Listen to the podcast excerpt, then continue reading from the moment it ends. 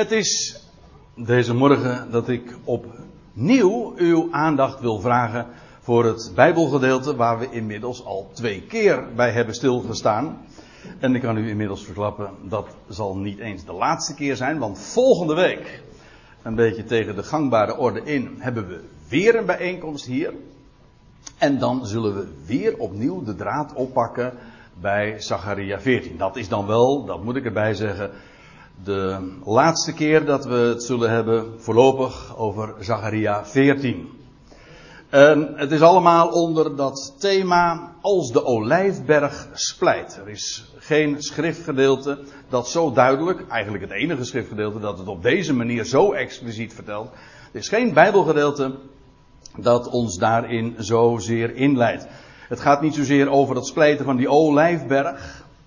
Want dat is ja, wonderlijk en groots en gigantisch genoeg om te bedenken. Maar het gaat over als die olijfberg gaat splijten. Wat gaat daaraan vooraf? Wat gebeurt er dan? En ook wat zal er daarna gaan gebeuren?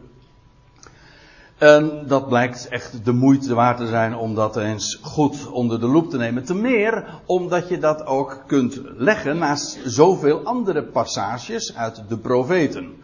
In de Tenach, in de Hebreeuwse Bijbel, maar ook in het Nieuwe Testament. En dat hebben we tot dusver ook gedaan. We hebben ook heel wat schriftgedeelten zo er, erbij genomen en gezien hoe het een het ander uitlegt en ook weer bevestigt. Ook dat zullen we trouwens vandaag opnieuw gaan doen. Voordat ik nog even zal gaan samenvatten wat we de eerste, eerste keren hebben gezien, want dat lijkt me wel handig. Er zijn sowieso al een aantal mensen die hier nu weer voor het eerst zijn en dan is het wel handig als je een klein beetje in ieder geval een indruk hebt van wat er besproken is. En dat zal ik dan ook straks nog eventjes samenvatten. En trouwens, voor iedereen is het wel handig om even weer het geheugen op te frissen. Maar voordat ik dat ga doen, wil ik eerst even uh, dat Bijbelgedeelte, wat deze vier samenkomsten dan centraal staat, met elkaar gaan lezen.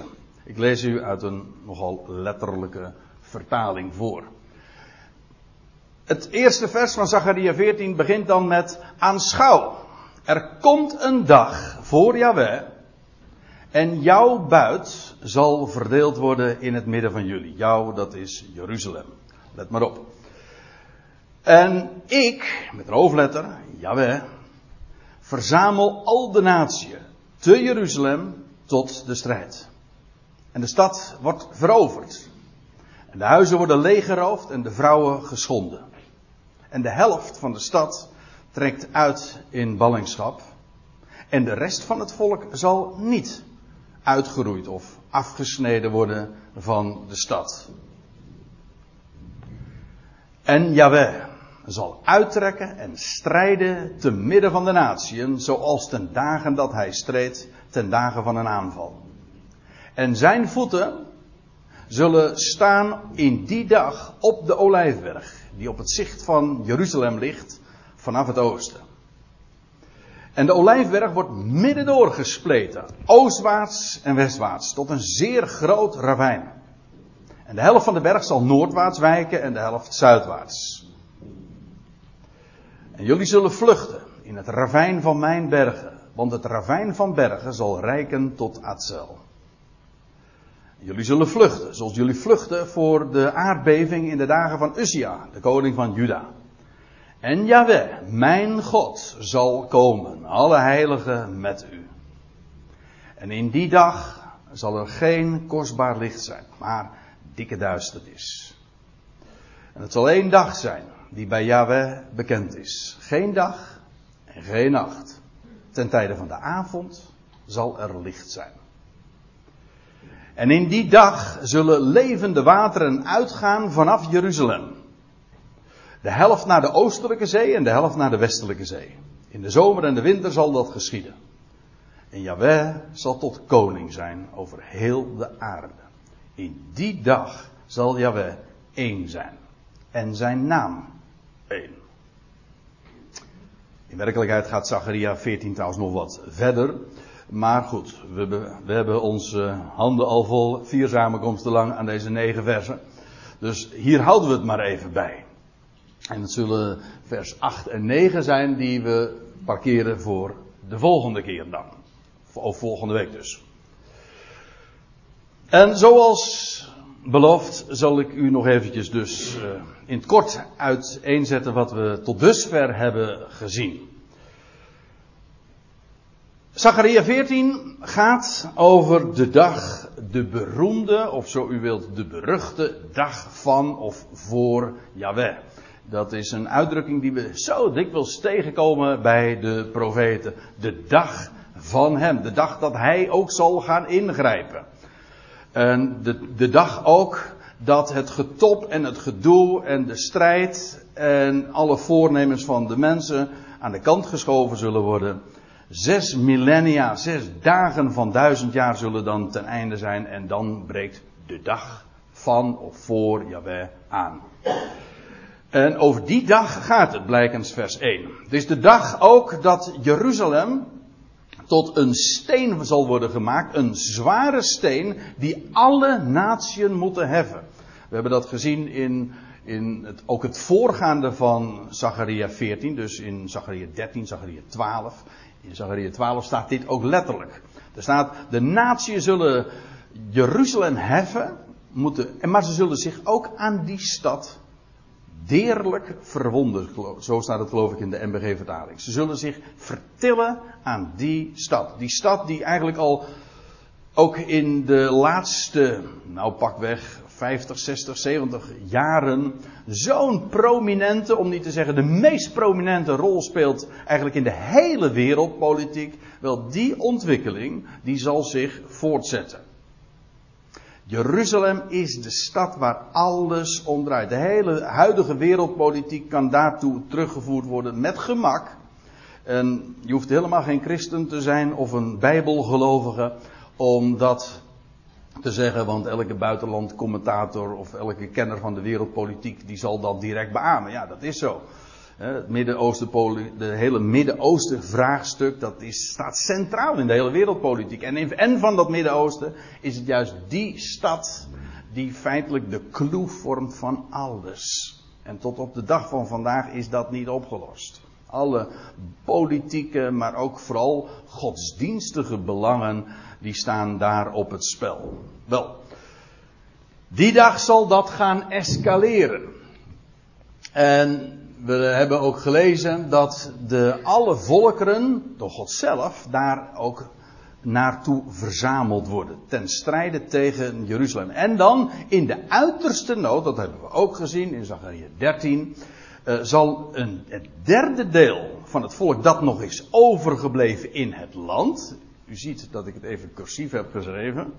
Want er is namelijk ook nog een deel dat al voor die tijd is gevlucht naar de woestijn en daar ook veilig bewaard wordt. Maar een derde deel dat overgebleven is in het land, dat zal dan de naam aanroepen. Iets wat Israël tot op de dag van vandaag om hele principiële redenen niet doet, zal dan in uiterste nood wel gedaan worden, namelijk als er nummer één uitweg is. In zo'n afschuwelijke verdrukking als er nooit geweest is en ook nooit meer zijn zal. Zo in die termen spreken de profeten daarover. De Heer Jezus trouwens ook in Matthäus 24. En dan zal die naam worden aangeroepen in de uiterste nood. En dan lees je, en dat is inmiddels wat we de vorige keer hebben gezien, dan zal Yahweh ook voor het voor zijn volk gaan opnemen. Het volk dat zijn naam heeft aangeroepen, en wel, het zal dan voor zijn volk gaan strijden. Het is dan ook weer zijn volk. Dat wil zeggen, het volk dat hem heeft aangeroepen. Ze zullen zeggen, mijn Heer, mijn Yahweh. Maar ook, dat zal wederkeren zijn, mijn volk. Nu, nu zegt God dat niet. Nu zegt God, lo ami, niet mijn volk. Straks wordt het weer ami, mijn volk. En dan lees je, en dat is nou ja, waar de titel ook van deze studies aan ontleend is. Dan zal hij, Jawel, zijn voeten zetten op de olijfberg. Daar is het grote wacht op. Ooit heeft de Messias zijn voeten gelicht, als ik het zo mag zeggen. Dat is het laatste wat de wereld, nou eigenlijk de, de wereld heeft al veel eerder met, van hem afscheid genomen. Of hij van de wereld, net hoe je het zeggen wil. Namelijk toen hij, de week dat hij stierf. Maar in ieder geval dat hij afscheid nam van aarde. Dat was toen hij op de Olijfberg, uh, van de Olijfberg werd weggenomen of opgenomen. En, zijn, uh, en hij werd ontrokken aan hun ogen. Wel, hij zal zijn voeten weer zetten op de Olijfberg. En dan zal het volk hem ook zien. En dan zal de naam die zij hebben aangeroepen, dan, die zal dan verschijnen, jawel. Maar wie blijkt het te zijn? Degene die zij doorstoken hebben. Wel, dat is juist degene die van Gods wegen ook de naam heeft ontvangen boven alle naam. En dat is die naam van, uh, van Yahweh dus. Ja. Hij heeft die naam ontvangen. God, als God verschijnt, dan is dat in en door en via hem. Ze zullen hem dus zien wie zij hebben doorstoken. Letterlijk, zijn voeten, zo concreet als de olijfberg is, zo concreet is het ook dat zijn voeten dan weer zullen staan op de olijfberg. En dan lees je uh, dat hij zal komen. Hè? De Christus, de Messias, of ja, welke titel je ook daaraan wil geven. Hij heeft er vele, honderden. Hij zal, de Christus zal komen en we hebben gelezen en alle heiligen met hem. En we hebben gezien, ook dat, dat te vergelijken met wat de apostel Paulus daarover uh, naar voren brengt.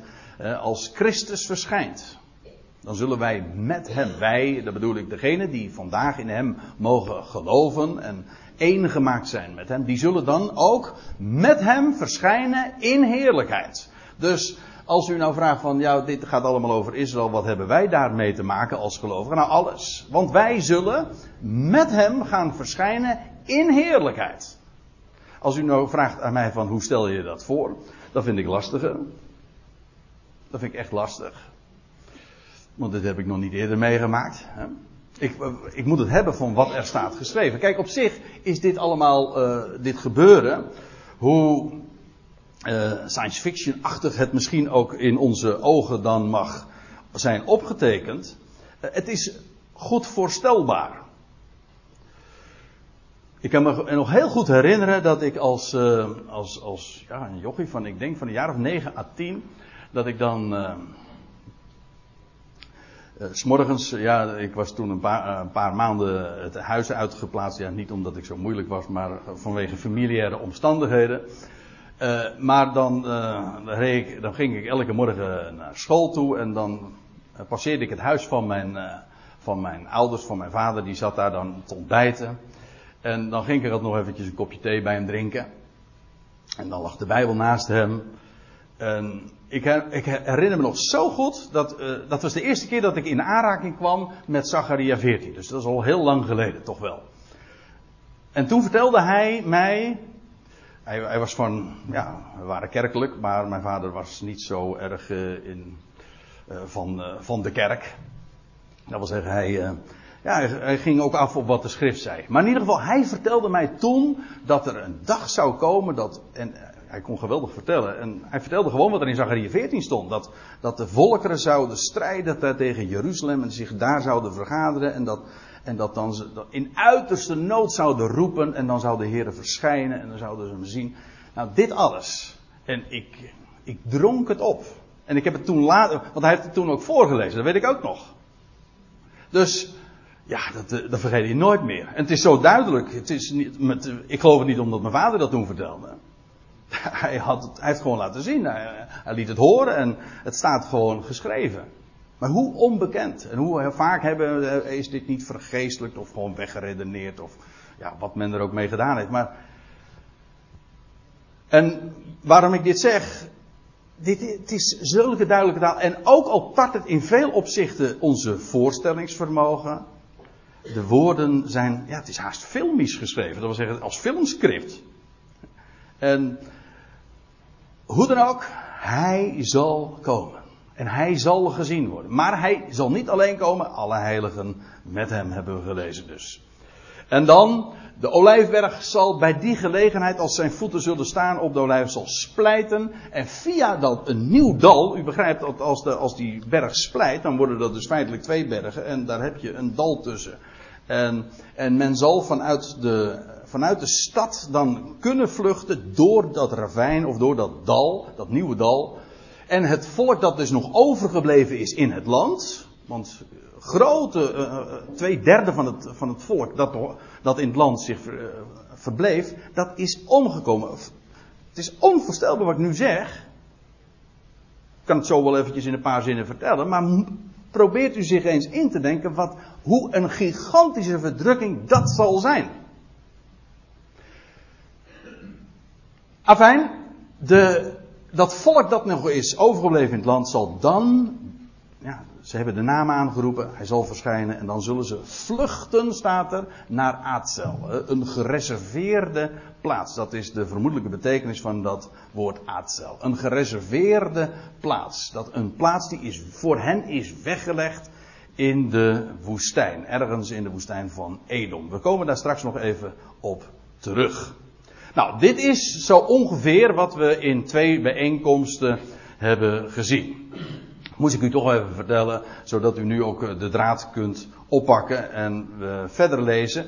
En dan zijn we aangekomen in, inmiddels in vers 6. En we zullen juist vanmorgen ook wat uitstapjes maken van wat er vervolgens, volgens de schrift dan, gaat gebeuren. Er staat eerst, laat ik het eens lezen, en in die dag. Nou, Welke dag dat is, lijkt me niet zo moeilijk. Dat verwijst uiteraard naar het direct voorgaande, namelijk die dag dat hij zal verschijnen, zijn voeten zal zetten op de olijfberg en dat er een vluchtweg per direct gecreëerd zal worden. En dan over die dag staat dit geschreven. En in die dag zal er geen kostbaar licht zijn. Gewoon het, het licht van de zon, maar dikke duisternis. We hebben uh, inmiddels, in de voorgaande twee uh, bijeenkomsten, hebben we stilgestaan bij Joel 2, bij Matthäus 24, bij Openbaring 6. En in al deze drie versen hebben we gezien dat bij die gelegenheid dat de Heer zal verschijnen, dat is een heel markant gebeuren. Dat is, eigenlijk is het ook zo dat als je leest van de zon die verduisterd wordt en de maan die haar schijnsel niet geeft, en de sterren die uh, ook zullen vallen, dat gebeuren uh, markeert ook zijn, zijn terugkeer voor zijn volk. En dat zijn voeten zullen staan op de olijfberg. Altijd weer die, die uh, hoe zeg je dat? Die connectie. Hij zal verschijnen voor zijn volk en dat zal die dag zijn dat de zon is verduisterd. En ook de maan. En en ik geef deze schriftplaats, maar ik kan u eh, vertellen dat als je nou nog eens een keertje in een concordantie terugleest, en een concordantie op, na, op uh, naslaat, dan zul je zien dat het in nog veel meer passages van de profeten voorkomt. Het kan niet missen, je struikelt erover. Je weet eigenlijk meteen ook waar, over welk moment het dan ook gaat. Op het moment dat je leest, de zon zal verduisterd worden en de maan die haar schijnsel niet geeft. Wel, in die dag zal er geen kostbaar licht zijn. En ja, wat trouwens uh, een andere vraag oproept, maar dat, die kan ik strikt genomen niet beantwoorden. Ik kan hooguit erover speculeren. Uh, is dit een astronomisch verschijnsel? Dat wil zeggen, kijk, u, u weet het, hè? Je kunt, uh, dus astronomen kunnen je precies vertellen wanneer een zonsverduistering plaatsvindt of een maansverduistering.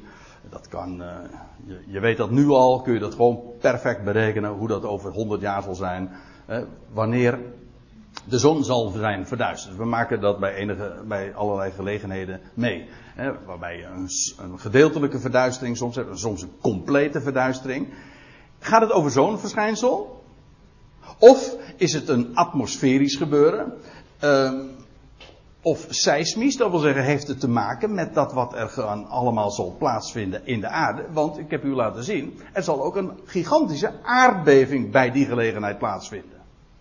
Ja, dat lijkt me nogal uh, wiedes. Als de olijfberg dan zal splijten. Dat, dat gebeurt natuurlijk niet zomaar. Dat is een, een schok van, van heb ik jou daar. Daar komt trouwens nog iets bij. Maar goed, dit is, dit ik, ik uh, verwijder mij nu uh, van mijn onderwerp. Dat is dat er ook in de omgeving van de Dode Zee weer het een en ander gaat gebeuren. Zoals dat in het verleden ook zo is gebeurd. Namelijk dat daar zwavel en. Uh, hoe staat het er? Zwavel en vuur regende. Daar in het zuiden. is dat vanwege die omstandigheden. dat de lucht dus totaal zo ondoordringbaar is en dat, je, dat daar niet meer. dat het al het licht tegenhoudt. Dat het om die reden dus donker zal zijn. Ik weet niet, ik heb vraagtekens geplaatst. Eén ding weet ik zeker. Op die dag zal er geen kostbaar licht zijn, maar dikke duisternis. Een stremsel, dat uh, staat hier in de concordante weergave. Dat wil zeggen, het is net, dat geeft een beetje het idee inderdaad alsof het te maken heeft met atmosferische omstandigheden. Zodat het zo'n dikke lucht, dat, de dikke rook, dat daar niet doorheen te kijken is. Hoe dat ook zij, um, het zal één dag zijn die bij Yahweh bekend is. Wanneer dat zal zijn, hoe dat zal zijn, weet hij alleen. En daar staat erbij, geen dag en geen nacht. Dat is wat eigenaardig, want het zal één dag zijn en er staat er geen dag. Maar lijkt me niet zo moeilijk. Het betekent, eh, het zal die dag geen dag zijn. Dat wil zeggen, het zal niet licht wezen. Dus terwijl het dag is, is het stikken donker. Dus het is geen nacht, maar het is eigenlijk ook geen dag. Omdat het compleet donker zal zijn. Maar staat er dan, ten tijde van de avond zal er licht zijn. Dus op het moment dat het bijna donker zou worden, dat de tijd is dat, de, dat het donker gaat worden, dan wordt het alsnog licht. Tenminste, als ik het gewoon neem zoals het er staat, heel letterlijk, dan is dit de betekenis. Waarbij ik er trouwens bij moet zeggen, dat, uh, dat hier natuurlijk uh, ook uh, symboliek in vervat kan zijn. Maar dat strijdt niet trouwens. Hè. Het is niet zo van, moet je dit letterlijk lezen of typologisch. Sommige mensen maken dat uh, maken daar een scheiding tussen. Kijk, wat we, om een voorbeeld te geven. De vorige keer zagen we dat de, de Heer zal verschijnen op de Olijfberg. En dan staat er uh, op de Olijfberg die ten oosten van Jeruzalem ligt. Dat wil zeggen, de Heer zal verschijnen in het oosten. Daar waar de zon opkomt, daar zal Hij verschijnen. Nou, dat is letterlijk zo de olijfberg ligt ten oosten van Jeruzalem. Daar zal hij verschijnen. Maar u begrijpt, dat is natuurlijk ook een geweldige geestelijke waarheid. Namelijk als hij zal verschijnen, ja, dan komt de zon echt op. Dan wordt het echt dag, de, zijn dag. Dus, en dat zou hier natuurlijk ook het uh, geval kunnen zijn. Ten tijde van de avond zal er licht zijn. Ik heb de indruk dat uh, uh, rusthuizen, voor oude vandaag, die heten avondlicht. En ik heb de indruk dat dat ook dikwijls ontleend is. Mijn oma die woonde vroeger in de Westerkim, in Nieuw-Vennep, zo'n uh, een huis voor uh, oude vandaag. In ieder geval, ja, dan is de levensavond. En als, als je dan kan zeggen dat er in, in de avond van je leven licht is, ja, dat is geweldig natuurlijk. En dat zou je natuurlijk ook uh, voor, dit volk, uh, voor het volk zo kunnen zeggen. Maar laten we het even beperken toch tot de meest letterlijke lezing. Namelijk dat op het moment dat het donker zou gaan worden, dan is de duisternis uh, verdwenen. Ten tijde van de avond zal er licht zijn. En wat gaat er dan allemaal gebeuren? Nou, ja, je zou natuurlijk Paul kunnen doorlezen. Dat gaan we de volgende keer doen. Maar ik wil nu even een uitstapje gaan maken. Namelijk naar andere passages die daarop aanhaken. Want wat we tot dusver dus hebben gezien is. De Heer zal verschijnen op de olijfberg. Die zal midden doorsplijden en men zal vervolgens vluchten door dat nieuwe dal naar Aatzel, een gereserveerde plaats in de woestijn. Nou, buiten het land. Dat betekent dus dat alle levende inwoners. Dus. Uh, ja. Nee, het land heeft geen levende inwoners meer. Daar komt het op neer. Alles wat dan namelijk nog leeft, dat zal gevlucht zijn naar het buitenland, naar de woestijn, buiten het land. En Nou, ik, zoals gezegd, ik wil u eens meenemen naar een aantal passages die daar inderdaad over spreken. Over dezezelfde gebeurtenissen, over de definitieve verlossing van het volk van Israël, dat tot op de dag van vandaag niet haar Messias kent. En wanneer zal zij komen tot besef en kennis van haar Messias? Wel, dat zal zijn wanneer zij hem zullen zien. Die zij doorstoken hebben. Ze zullen hem daar ook aan herkennen. Enfin, Jeremia 31. Dit bevestigt trouwens ook precies wat we al veel eerder al, al hebben aangestipt. Namelijk dat de schrift zo'n wonderbare eenheid is. Ik had er juist van de week nog een heel gesprek over met iemand. Dat uh, de Bijbel maar niet een boek is geschreven door één auteur. Nee, het is gewoon een heel. Het is een bibliotheek. Allemaal documenten. En het, en het geweldige is, al die schriften blijken een eenheid te zijn. Geschreven in zoveel, uh, gedurende zoveel eeuwen. En hier en daar op zoveel plaatsen. Door zo zoveel verschillende mensen. En al die stukjes, dat is wonderbaar. Al die stukjes passen in één. Kijk, dat is het wonder van de schrift. Het zijn dus heilige schriften, dat wil zeggen boeken van mensen. Maar het is ook de schrift. Dat wil zeggen, het is een eenheid die niet gebroken kan worden. En juist die eenheid van al die boeken, die bevestigt de gemeenschappelijke oorsprong. Het ene concept. Die God die dat ingeblazen heeft. Dat is het wonder van de schrift.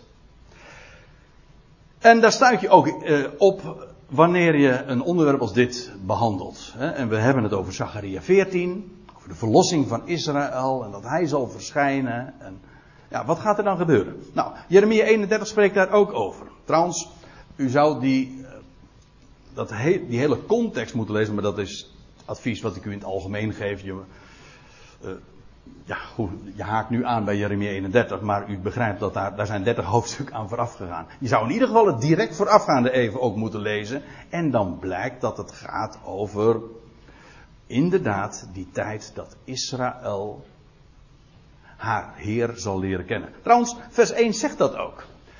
Te dien tijden, dit verwijst dus precies naar een specifieke tijd. Te dien tijden luidt het woord van Yahweh, zal ik de mooie eh, manier waarop dat in de schrift altijd weer doorklinkt. Als God gaat spreken. Ik zal. Dat is een aankondiging. Daar hangen geen, geen voorwaarden aan. Het is gewoon een voorzegging. Te dien tijden luidt het woord van Yahweh. Zal ik voor alle geslachten van Israël tot een God zijn. En ze zullen mij tot een volk zijn. Als u nog het goed herinnert, als u erbij was, toen hebben we dat in Zacharia 13 aan het slot gelezen. Woorden van vrijwel identieke strekking. Daar staat, en ik zal zeggen, mijn volk. En, ze, en gij zult zeggen, mijn God. Dat is dit. Te dien tijden. Dat is en dan zal er ook een nieuw verbond gesloten worden. Trouwens, dat is ook Jeremia 30. Of wat is het? Uh, eh, 31. Dat is Jeremia 31, ja precies. Dit is even verder uh, het gaat allemaal over diezelfde tijd ook, dus. En dan staat er, zo zegt Jaweh, daar gaat het me nu even vooral om. Het volk van de ontkomenen, de ontkomenen van wat? De, het volk van de ontkomenen aan het zwaard, vond genade in de, niet in het land, in de woestijn. Israël op weg naar zijn rust. Dit is zo'n passage die er precies ook weer bevestigt wat we zojuist in Zacharia 14 lazen. Het volk, er, blijft een volk over, ja. Nou ja, het is maar een derde van, het, uh, van wat in, in, het land was. En de helft van de, van de stad Jeruzalem. De andere helft is, wordt gedeporteerd en komt om, sneuvelt. In ieder geval dat deel wat ontkomen is aan het zwaard. Wel, waar vindt ze genade? In de woestijn. Ze gaan vluchten. Hè? buiten het land. En daar zal ze genade vinden in de woestijn. En het is het volk dat op weg is naar zijn rust. Ja, naar de rust die voor haar bestemd is, maar je zou dit ook nog zelfs met, uh, met een hoofdletter kunnen lezen. Ik weet niet of dat in het Hebreeuws ook zo kan, naar zijn rust dus. Het is maar hoe je het zeggen wil. Een overblijfsel vindt genade in de woestijn. Naar een andere passage gaan we toe. Micha 2. En dat is weer een heel andere profeet dus. Maar daar wordt, worden soortgelijke dingen naar voren gebracht. We hebben trouwens, uh, dat was de vorige keer zeker. Ja, de vorige keer. Toen hebben we nog Matthäus 24 ook gelezen. Dat als hij zal verschijnen en de zon zal verduisterd worden. Dan staat er en hij zal zijn uitverkorene. Dat wil zeggen het uitverkoren volk. Zal hij verzamelen van de uiteinden der aarde. Oost, west, noord, zuid. Overal vandaan. Hij zal ze bij elkaar brengen. Hij gaat het totale volk verzamelen en waar hij dat doet, wel in de woestijn. U moet weten namelijk dat het volk, dat waar God dan de draad weer mee oppakt, dat volk bevindt zich, ja, is verstrooid over alle naties. Natuurlijk, eigenlijk is de situatie precies zoals dat vandaag ook het geval is. Er is een Joodse staat, maar het merendeel van het Jodendom bevindt zich buiten het land. Ik bedoel, gewoon ook in, is nog steeds verstrooid onder alle volkeren. Wel, God gaat zijn volk verzamelen. Heel zijn volk. En daarover gaat Micha 2 ook. Voorzeker zal ik, weer dat, zal ik, en ook die zekerheid ligt daar, wordt er meteen op voorhand benadrukt. Voorzeker zal ik u, o Jacob, in uw geheel bijeenbrengen. Een totale verzameling. Van, van Jacob trouwens ook. Jacob is feitelijk ook de naam. U ziet het, hè? Hier wordt gesproken over overblijfsel van Israël, maar hier wordt het ook Jacob genoemd. En dat is feitelijk ook een aanduiding van het volk dat in ondergeloof zijn weg ging nog. Let op zulke onderscheidingen. Natuurlijk is dit parallel. Hè? Maar het, is, wil, wil, het feit dat er parallel uh, zinnen staan, wil niet zeggen dat die zinnen dus exact hetzelfde zeggen. Ze lopen alleen. Ja, parallel, ja. Dus wil niet zeggen dat het twee identieke zinnen zijn, alsof het alleen maar een zinloze of alleen maar een poëtische herhaling is. Voorzeker zal ik u, o Jacob, in uw geheel bijeenbrengen. Voorzeker vergaderen. Het overblijfsel van Israël. Weer dat woord, over, wat er van overgebleven is. Ik geloof dat de Statenvertaling heel dikwijls weergeeft ook een rest. En staat er, ik zal hen bijeenbrengen als schapen in Bosra. Hangt er vanaf wat je nu, welke vertaling je hebt. Want als je een MBG-vertaling hebt, dan staat hier als schapen in een kooi. En u zegt, dat is nogal wat. Maar dat verschil is niet zo groot als dat je zou denken. Want uh, er staat hier in het Hebreeuws Bosra. En dat is een plaatsnaam. Maar het is ook gewoon het Hebreeuwse woord voor een kooi of een schaapskooi. Maar. Ja, ik vind beide betekenissen namelijk geweldig. Het, het heet Bosra. Ja, waarom? Omdat het Bosra is. Daar, waar gaat God de kudde van Israël verzamelen. Wel, dat gaat hij doen uh, in de woestijn. Ja, dat gaat hij doen in Bosra. En Bosra is een plaats daar in het zuiden. Ik, ja, een plaats in, uh, in de woestijn van Edom. Edom, even voor de goede orde. Eh, ik had het eigenlijk ook even op een kaartje kunnen weergeven. Maar als u een kaart van Israël voor u ziet. En dan heb je eh, Jeruzalem, eh, daar even onder de Dode Zee. En nog weer een paar honderd kilometer onder de Rode Zee. Met Eilat. En in die woestijn die daar tussen de Dode en de Rode Zee ligt. Dat is het gebied, even grofweg, het gebied van Paran. Het heet ook Edom. Het gebied van Ezou. Met als markante plaatsen Bosra, maar ook Petra. Het heeft diverse namen.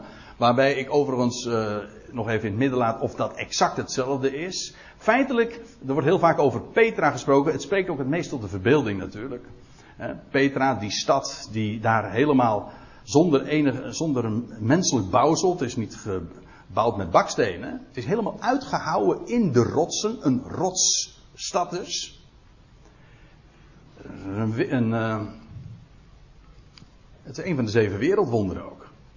En, maar als je nou helemaal de vraag stelt, welke stad noemt de Bijbel bij name als de plaats waar het volk verzameld zal worden, dan, uh, dan spreek ik het liefst over Bosra. Dan laat ik even in het midden of dat helemaal hetzelfde is als Petra. Maar in ieder geval, hier wordt gezegd: Ik zal hen bijeenbrengen als schapen in Bosra. Ik neem dat heel letterlijk. En waarom ik dat ook heel letterlijk neem, dat zult u straks ook zien. Sowieso, het volk zal vluchten het land uit. Ja, en waar kom je dan terecht? Ja, in de bergen van Judea. Daar gewoon in ieder geval ten zuiden in uh, dat gebied dus. Ik zal hen bijeenbrengen als schapen in Bosra. Trouwens, we hebben ook al gezien dat uh, God een plaats gereserveerd heeft in de woestijn. Een plaats in de woestijn van Gods wegen bereid. In Openbaringen 12 lees je dat. dat en daar zal hij het volk gedurende die grote verdrukking uh, ook voeden en en bewaren.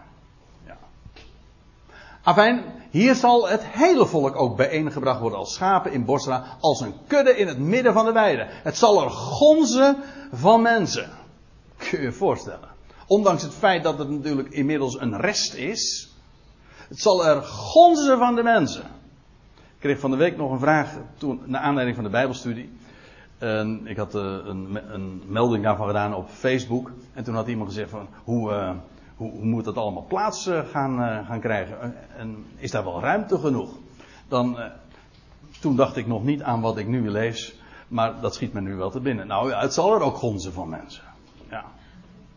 Dat zeker. En dan staat erbij, de doorbreker trekt voor hen op. En ze breken door en ze trekken door de poort. Ja, ik kan het niet nalaten. Maar als ik dit lees, dan denk ik toch wel weer even aan die stad daar in de woestijn. Ik noemde de naam al van Petra. En daar, heb je zo'n hele enge poort. Eng is de poort. Van andere, ik ben er zelf nog nooit heen gegaan. Jij wel. Uh, nou, er zitten hier diverse mensen trouwens die daar ooit geweest zijn. Wie zijn er hier trouwens geweest in, ooit in Petra? Nou, dan zijn jullie kundiger dan ik. Ik moet het hebben van de fotootjes. Maar in ieder geval uh, is, is, het geen anderhalf kilometer dat je eerst loopt hè, naar. Voordat je dan eigenlijk in die binnenplaats bent ge, gekomen. En, maar goed, de doorbreker, en dat blijkt inderdaad de, de, de koning te zijn, hè, die voor hen dan uitgaat. De, hij breekt door. Um, wat, waarin trouwens ook de gedachte zit van een, eh, een geforceerde breuk. Uh, met geweld en met voortvarendheid gaat hij uit. De doorbreker trekt voor hen op. Ze breken door en ze trekken door de poort en gaan daardoor uit. En hun koning trekt voor hen uit. Nou, wie dat is, dat lijkt me inmiddels toch wel duidelijk. Daar hebben we het eigenlijk uh, iedere keer al over gehad. Dat is Israëls Messias. Hij die de naam heeft ontvangen boven alle namen. Yahweh aan hun spits. Dat is geen tegenstelling, dat vult elkaar precies aan. Hij is degene die Yahweh zichtbaar maakt. Yahweh aan hun spits. Dus wat gaat er gebeuren? Micha 2. Het volk wordt bijeengebracht. Daar in Bosra, een totale verzameling. En dat zeg ik voor degene die dat nog wat meer na willen zoeken. Lees eens Ezekiel 20. Ik heb die, die passage er nu niet bij betrokken. Ezekiel 20, ergens halverwege. Dat is een lang hoofdstuk. En daar lees je ook hoe dat dan zal gaan. Daarin, dat voert echt nu te ver. Maar hoe het zal gaan als God zijn volk gaat brengen daar in de woestijn. In de woestijn der volkeren staat er. En dan zal hij ze in zijn totaliteit daar brengen, maar slechts het gelovig deel zal daar ook werkelijk uitgaan, uittrekken. Als u zegt van, dat is me niet allemaal duidelijk. Ezekiel 20, houd hem, knoop hem in uw oren. Daar staat dat gewoon allemaal beschreven. Bij een andere gelegenheid moeten we het daar nog eens een keertje uitgebreider over hebben.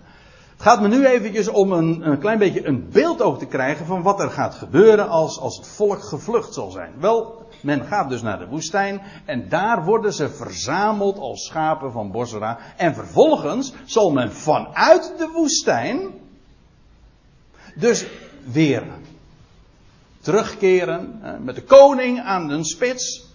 Daar heb je ook een, een weg, hè? Daar heb je een geweldige uh, een route die al duizenden jaren een naam heeft. En weet u hoe die weg heet? Ook in de Bijbel kom je hem verschillende keren tegen. Dat heet de Koninklijke Weg. Dat wil zeggen, dat is de, is de weg die gaat vanuit het zuiden zo richting uh, Damascus, geloof ik. Die heet, als je in Israël bent, dan zie je dan de King's Highway. Zo, het is gewoon de officiële naam. En zo heet die route al duizenden jaren. In bijbelse tijden al. In de schrift, in de nummerie geloof ik, kom je het ook al tegen. Langs de koninklijke weg. Dat is profetisch. Israël zal de, vanuit de woestijn weer optrekken naar het land. Op de King's Highway, op de koninklijke route, zal men optrekken naar het land. Jawel, aan hun spits. We gaan nog naar een andere passage. Zodat het je niet kan ontgaan wat er, uh, wat er gaat gebeuren. Jezaja 63. Weer een andere profeet. Die het zijne ervan zegt.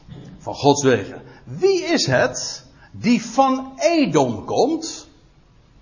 In helrode klederen van Bosra, daar heb je hem weer. Micha 2, Jezaja 63 spreekt hetzelfde. En dit is een retorische vraag. Hè? Wie is het? Wel, dat is Jaweh. Ik ben het, die in gerechtigheid spreekt, machtig om te verlossen. Ik, Jaweh. Ik ben dat. En waar komt God dan vandaan?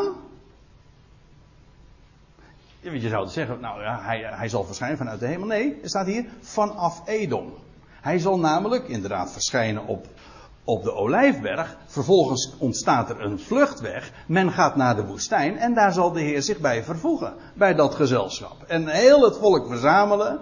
En dan vervolgens vanaf Edom, dat grote gebied, zal hij vanaf Edom komen in helrode klederen van Bosra. Wie is het die van Edom komt in helrode klederen van Bosra, die daar praalt in zijn gewaad, vier voortschrijdt in zijn grote kracht? Nou, je voelt hem al aankomen, dit is een retorische vraag. Dat kan er maar één zijn. Ik ben het, die in gerechtigheid spreekt. En ook machtig om te verlossen. Nou, dat had hij wel bewezen inmiddels. Door het volk zo een, te doen vluchten en naar de, de woestijn te brengen. Dit is eigenlijk ook een gebeuren dat heel intiem is. Hier gaat dit tussen Yahweh en zijn volk. Hij brengt het en hij maakt het gereed en vervolgens vanuit de woestijn trekken ze dan op. En dan staat er eh, de Heer dus aan een spits en vanaf Bosra zal hij dan weer uittrekken. En dan staat erbij, waarom is dat rood aan uw gewaad? En zijn uw klederen als van iemand die de wijnpers treedt? Weer zo'n retorische vraag. De wijnpers treden. Dat is een, ook een uitdrukking die je heel vaak tegenkomt bij de profeten. Dat wil zeggen, dat, die dag, dat is een, een zware dag. Ook een, ik, de vorige keer hebben we dat nog gememoreerd. Onze God zal dan ook optreden als een krijgsheer. En hij zal ja, waarom is dat rood aan uw gewaad? En zijn uw klederen als van iemand die de wijnpers treedt? Wel, dat is een dag van bloed ook. Ik zal, u dat door, uh, ik zal het laten zien. Want als je dan vervolgens verder leest in Jezaja 63. Ik heb de pers alleen getreden. En van de volkeren was niemand bij mij. Ik trad hen in mijn toorn. Dit is ook precies die dag waarvan we lazen eerder dat dan ook de dag van toren zal aanbreken. De Heer gaat is toornig op die volkeren. En hij gaat ook korte metten daarmee maken. Vandaar ook dus dat die, die rode klederen. We hebben er, we hebben er toch uh, al eerder ook bij stilgestaan. En ik denk dat het zo goed is om je dat te realiseren.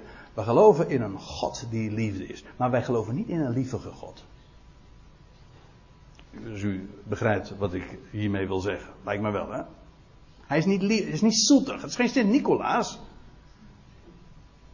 Hij is als. Hij is straks de God. Hij zwijgt vandaag in zijn liefde. Straks zal er een moment aanbreken en dan gaat hij inderdaad zijn volk verlossen en ook de volkeren treden in zijn toorn.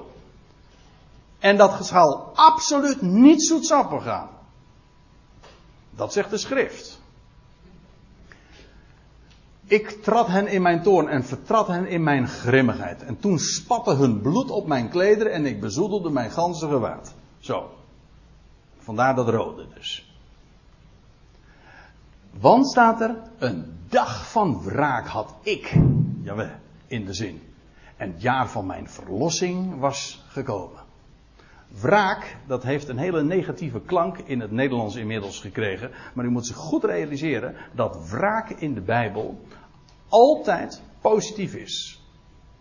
Het, dat heeft trouwens ook wel te maken met de Hebreeuwse betekenis van dat woord. Maar het is altijd rechtsherstel.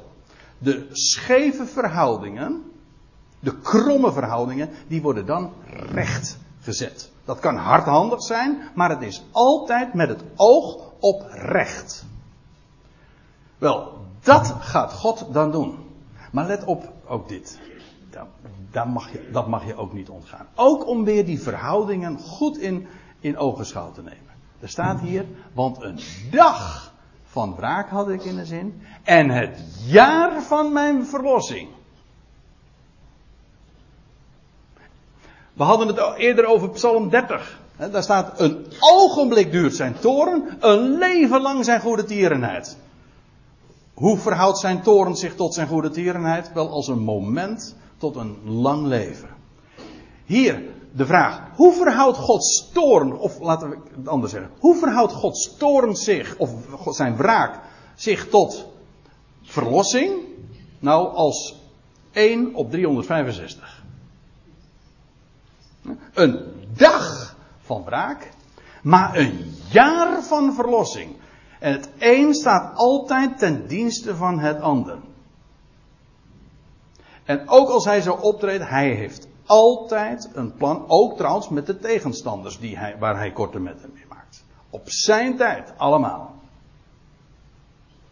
Ja.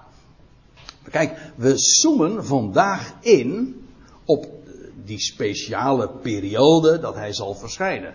Maar dat is, dat is nog maar het begin van de toekomende Ionen. Daar zal nog een Ion aan, eh, aan, aan opvolgen.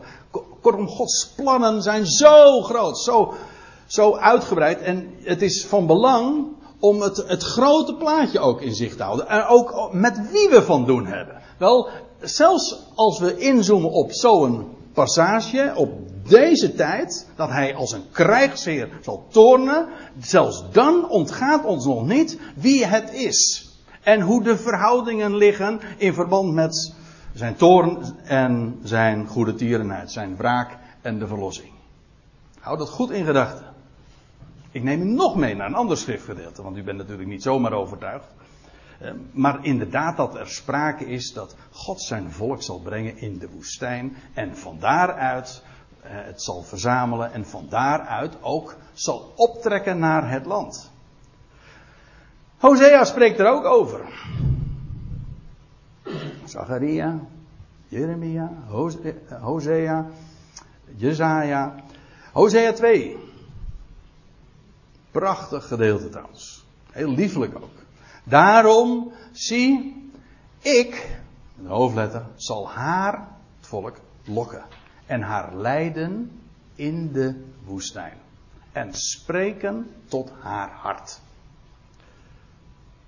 Ik zal haar vanaf daar haar wijngaarden geven. Dat wil zeggen, God belooft daar, terwijl het nog in de woestijn is, een land overvloeiende van melk en honig en van, en van wijngaarden. Ik, en dat land wordt haar daar al gegeven. Ik zal haar vanaf, vanaf daar haar wijngaarden geven. En staat er, en het dal Agor maken tot een deur van hoop. Agor, dat was een dag van. Uh, kent u de schriftgedeelte, het schriftgedeelte waaraan dit refereert? Agor, dat was dat dal waar ooit Agan. Hè? Precies ja. Ja, waar die. Uh, ja, de familie van Agan. Die geschiedenis. En dat, daarvan lees je dat is Agar. Uh, Agor, sorry. En als ik me niet vergis, maar nou zeg ik, praat ik misschien mijn mond voorbij, dus uh, even, ik hou me, hou me ten goede, maar ik meen ook dat Agor uh, ongeluk betekent. Maar goed, dat zou het natuurlijk geweldig bevestigen ook. In ieder geval, Agor, dat was dat dal waar dat gevreselijke gericht ook ooit plaatsvond. Wel, dat dal gaat God maken tot een deur van hoop. Dat wil zeggen, dat ongeluk, het bevestigt precies waar we het over hadden. Het ongeluk en de toorn heeft nooit het laatste woord. Het is altijd met het oog op zijn goede tierenheid. En het dal van Agor zal hij maken tot een deur der. Weet je wat, ik, wat je daaruit trouwens ook ziet? Het volk zal vanuit de woestijn optrekken naar het land. De Heer aan de spits. De King's Highway. Die route. De route die ze ooit zijn gegaan. Ook vanuit de woestijn. En zullen ze dan onder leiding van de echte, de grote, Joshua in het beloofde land arriveren. En weer diezelfde route kennelijk, want via het dal van Agor, maar dat was precies daar bij Jericho, zullen ze weer door de Jordaan kennelijk gaan en daar uh, uh, het land in bezit gaan nemen. Van daaruit. En het dal van Agor maken tot een deur van hoop. Dan zal zij, dat volk, daar zingen. Als in de dagen van haar jeugd. Als ten dagen toen zij trok uit Egypte. Ziet u die link? Zoals het ooit was. Toen ze op, uittoog uit Egypte en naar het land ging door de woestijn. Wel, zo zal het straks weer gaan. Optrekken vanuit de woestijn en dan in het beloofde land arriveren. Daar via dat dal van Agor. Dat dan een deur van hoop zijn en het volk zal zingen. Die, die hele turbulente tijd zal voor hen dan inmiddels achter haar liggen. En er is hoop. Er is een enorme verwachting. En vergis u niet, God gaat zijn koninkrijk vestigen hier over deze hele aarde, over de hele wereld, vanuit dat land. Maar dat is een heel gebeuren, is een heel proces. Dat, u begrijpt wel, dat vindt niet allemaal op één, één late namiddag plaats. En het zal te dien, dagen, te dien dagen geschieden, luidt het woord van Yahweh, dat gij mij noemen zult, mijn man. En niet meer mijn Baal, mijn eigenaar. Jullie zullen mij noemen mijn man. Zoals, daar was ooit een oud verbond. Ook een huwelijksverbond. Is ten einde gekomen. Maar God gaat een nieuw verbond sluiten. En zal opnieuw niet een huwelijksverbond met de kerk. Dat kent de schrift niet. Het nieuwe verbond wordt gesloten met Israël. En straks zal Israël zeggen: Mijn man.